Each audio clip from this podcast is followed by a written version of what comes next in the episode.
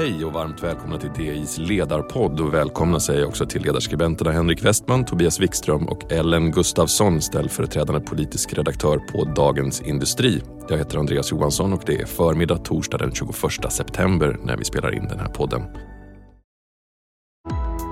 Vi ska börja prata om regeringens budget som presenterades igår. Vad tycker ni om reformerna i budgeten, Ellen? Ja, eh, lite sött och salt får man säga, eh, som Göran Persson eh, eh, sa en gång. Och, eh, det är, ja, men det är ganska blandat. Å ena sidan så får vi ju ett eh, jobbskatteavdrag på 11 miljarder. Eh, å andra sidan finansieras det genom att man inte höjer brytpunkten, vilket givetvis är någonting dåligt.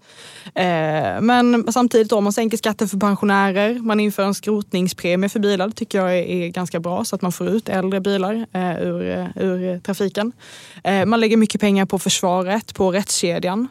Eh, och så det, det, är många nödvändiga satsningar som man gör. Eh, men, men en av de största eh, satsningarna är samtidigt till exempel då att man sänker skatten på bensin och diesel med ja, 6 miljarder. Det tycker jag är en, en fullkomligt orimlig prioritering faktiskt. Även om det givetvis är en ganska stor del i Tidöavtalet, så att säga, löften till väljarna. Så att, eh, jag förstår varför man gör det men jag tycker att det är, är, är fel eh, sak att lägga pengar på eh, idag. Och sen så har man ju gjort ett stort nummer av att man lägger 16 miljarder utökade statsbidrag till kommuner och regioner. Alltså välfärdspengar som man säger. Och det här är ju, får man nog säga, en anpassning från regeringens sida till eh, den gällande normen som nog eh, Socialdemokraterna och Magdalena Andersson har trummat in. Att det är välfärden som behöver pengar hellre än att höginkomsttagare, som hon skulle säga då, får skattesänkningar. Mm.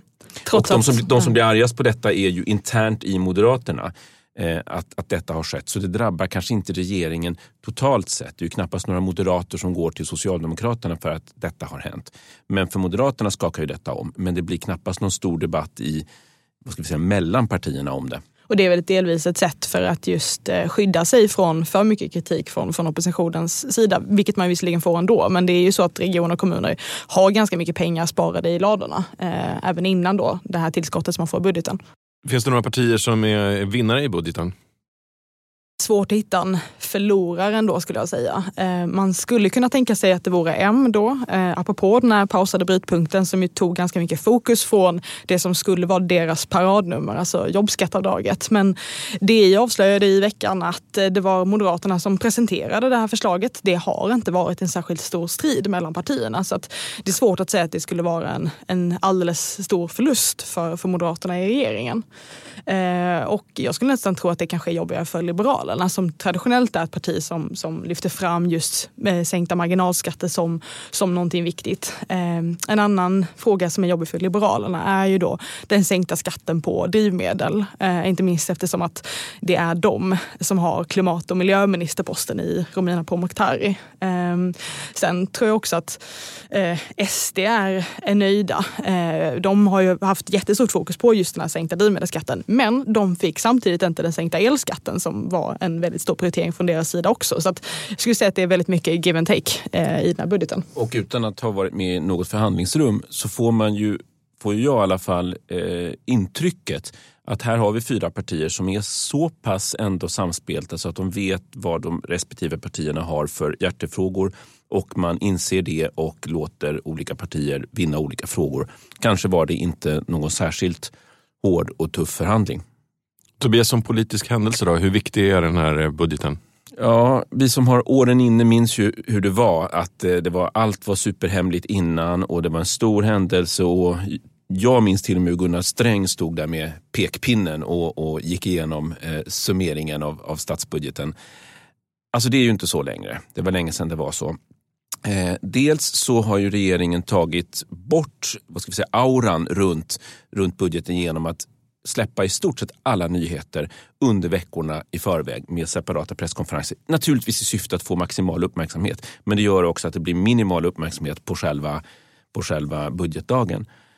Sen har budgeten också eh, i år är den ju inte lika intressant eftersom just det vi pratade om, att det inte har varit så mycket politisk strid om det. Medan under de socialdemokratiskt ledda regeringarna, alltså 2014 till 2022, då har det ju långt ifrån varit säkert att budgeten ens skulle gå igenom riksdagen. Och vid tre tillfällen, tre, hela, tre helår, så har alltså Socialdemokraterna behövt regera på en borgerlig budget därför att den råkade vinna. Eh, så är det ju inte nu. Det gör också att intresset minskar lite grann. Men framförallt så är det så att eh, i Tidöpartiernas eh, program, Tidöavtalet, så ser man att de viktiga reformerna har inte med ekonomiska satsningar att göra. Eh, kanske inte ens med, med, med speciella skattesänkningar utan det är helt andra saker. Det är bekämpa kriminaliteten, eh, det, det, handlar om eh, eh, skolan, det handlar om trygghet och sådana där saker. Det är mestadels lagstiftningsfrågor eh, och, inte, och inte ekonomiska frågor. Mm. Stora satsningar på att bekämpa kriminaliteten, alltså precis som som vanligt så frågar man sig ju då, Henrik, är det tillräckligt? Eh, ja, men det är väl väldigt bra att man lägger mycket pengar på att stärka både den inre och yttre säkerheten. På det sättet får man väl säga att det här var det var ett slags vad ska man säga, säkerhetsbudget som lades. Eh, för det var ju stora summor som lades på de här två områdena. Eh, och det behövs ju, absolut. Eh, det stora problemet tror jag idag eh, är eh, att läget är så akut så att man behöver egentligen ha redan väldigt mycket av de här lagstiftningsfrågorna som är under utredning. De borde vara på plats redan. Och man, man, man borde ha fler poliser än vad vi har. Och det där är ju det svåra. Att, att man tilldelar pengar men pengarna ska komma i arbete också och omsättas i någonting konkret. Och det tror jag dessvärre kan ta lite tid. Och så är det pengar till rättskedjan då till exempel. Det, det hjälper inte om du har nämndemän som blir förföljda och inte vågar, vågar göra sitt jobb så att säga i en domstol. Eh, och kriminaliteten hotar ju rättsstaten eh, på ett sätt som dessvärre går bortom budgeten. Alltså det handlar ju om makt och det handlar om rädsla och om att staten behöver eh, återta eh, ja, sin, sin makt över hela det här området. Och det är inte bara en anslagsfråga. Är det någonting ni saknar i budgeten? Ja, om man ska in på skatterna så tycker jag att det är viktigt att det finns en utbildningspremie. Och eh, det är svårt att, att se det. Man, man pratar mycket om att det är höginkomsttagarna som är förlorarna i den här budgeten. Eh, jag tycker också att det är synd att man inte går fram eh, med förändringar i a-kassan. Även det har ju varit en sverigedemokratisk vinst. Det var det förra året också. Eh, någonting som också efterfrågas från näringslivet är ju sänkta arbetsgivaravgifter. Det har ju påtalats att det faktiskt då skulle kunna sänka inflationen. Det gör man inte. Så det, det är några av sakerna jag tror att man skulle ha behövt göra. Hej, Ulf Kristersson här. På många sätt är det en mörk tid vi lever i. Men nu tar vi ett stort steg för att göra Sverige till en tryggare och säkrare plats.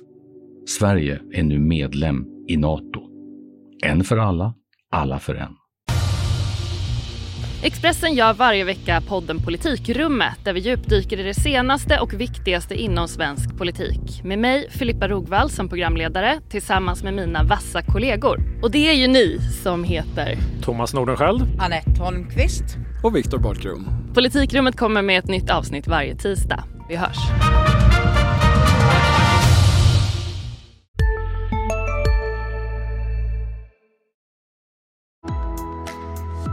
Vi ska byta ämne. I veckan konstaterade Riksrevisionen att det saknats konsekvensanalys i energipolitiken. Men allra först, energifrågan har ju gått lite under radarn nu när vi har haft så låga energipriser. Men det har snöat i Kiruna, mycket rönnbär på träden.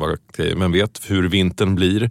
Ellen, vad kan vi förvänta oss av energidebatten framåt? Men precis som du säger, det beror nog på hur, hur vintern blir. Eh, om det blir kallt, om, om elen blir dyr, så kan vi nog förvänta oss att det här är en fråga som kommer att segla upp på samma sätt som det har gjort de senaste åren. Nu har vi haft en period med, med eh, ganska låga elpriser och då har inte den här frågan stått i, i centrum på samma sätt som den har gjort tidigare. Eh, just av det skälet att vi kan konstatera att energifrågan har till stor del blivit en, en plånboksfråga det. Det drabbar företag, det drabbar hushåll och när man ser att det blir väldigt dyrt så, så går det ganska snabbt för att, för att energifrågan ska segla väldigt högt upp på, på dagordningen. Eh, men den här kommande vintern så kan vi också se att Europa har ganska goda förutsättningar att hantera eh, en energikris så att säga. Det kanske inte blir en sådan just för att man har ganska välfyllda gaslager och så vidare. Så det finns nog ändå eh, skäl att vara eh, optimistisk att det inte ska bli så illa som man skulle kunna tro. Vad var det Riksrevisionen var kritisk till? Då? Ja, men det handlar om att politiska beslut som påverkar elförsörjningen har varit eh, för kortsiktiga. Eh, och dåligt underbyggda. Alltså man säger att det har saknats konsekvensanalys när det har fattats beslut som har, har stor påverkan, kan ha stor påverkan på, på elsystemet. Och eftersom att man inte har gjort en konsekvensanalys så har man heller inte haft en plan för hur man ska hantera de problemen som kan uppstå. Eh, och det här tvingar ju regeringar att lappa och laga i, i efterhand. Exempel då när man eh, avskaffade effektskatten, alltså traf, straffskatten på, på kärnkraft efter att man, man hade höjt den bara något år tidigare.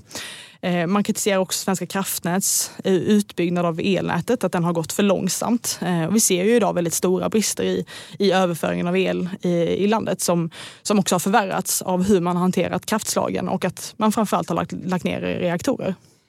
Ellen, du skriver att Socialdemokraterna bär ett ansvar för att företag inte kan ställa om bland annat sina transporter. Hur menar du?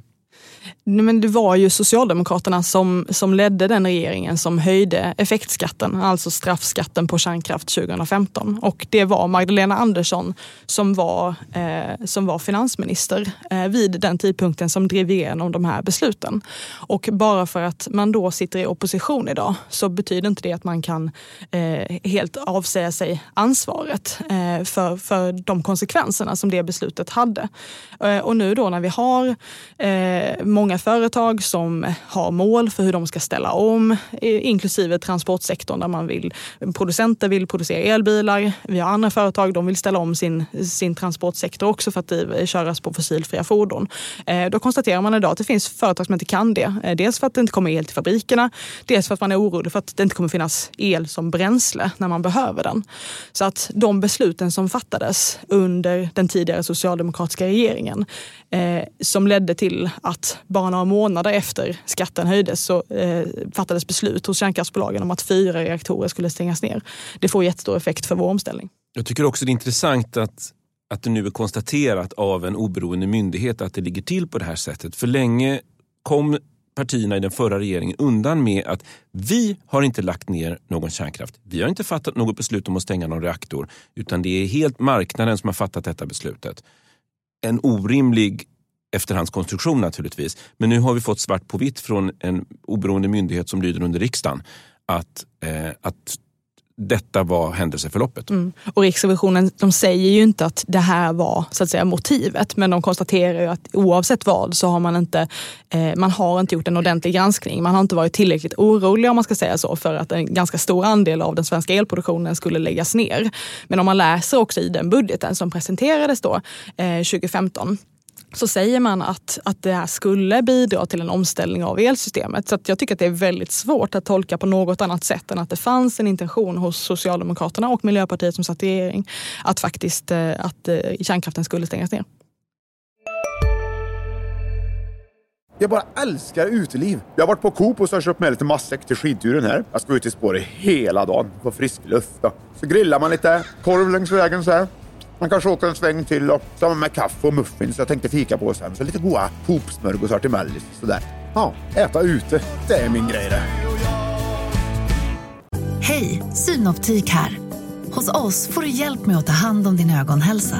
Med vår synundersökning kan vi upptäcka både synförändringar och tecken på vanliga ögonsjukdomar. Boka tid på synoptik.se.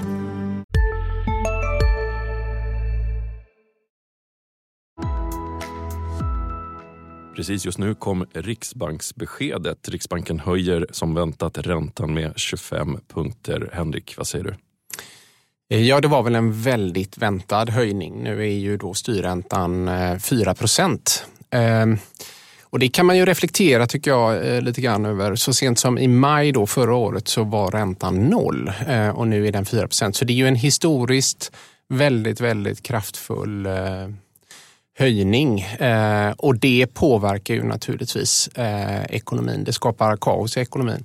Eh, I synnerhet kanske för den svenska där hushållen är väldigt eh, högt belånad. Så frågan är kanske om eh, den här höjningen faktiskt var nödvändig. Eh, inflationen faller ju och det säger Riksbanken också här i sitt besked att inflationen går åt rätt håll men de pekar samtidigt på att inflationstrycket i ekonomin är för högt och därför tar man det säkra för det osäkra och höjer eh, till 4 procent.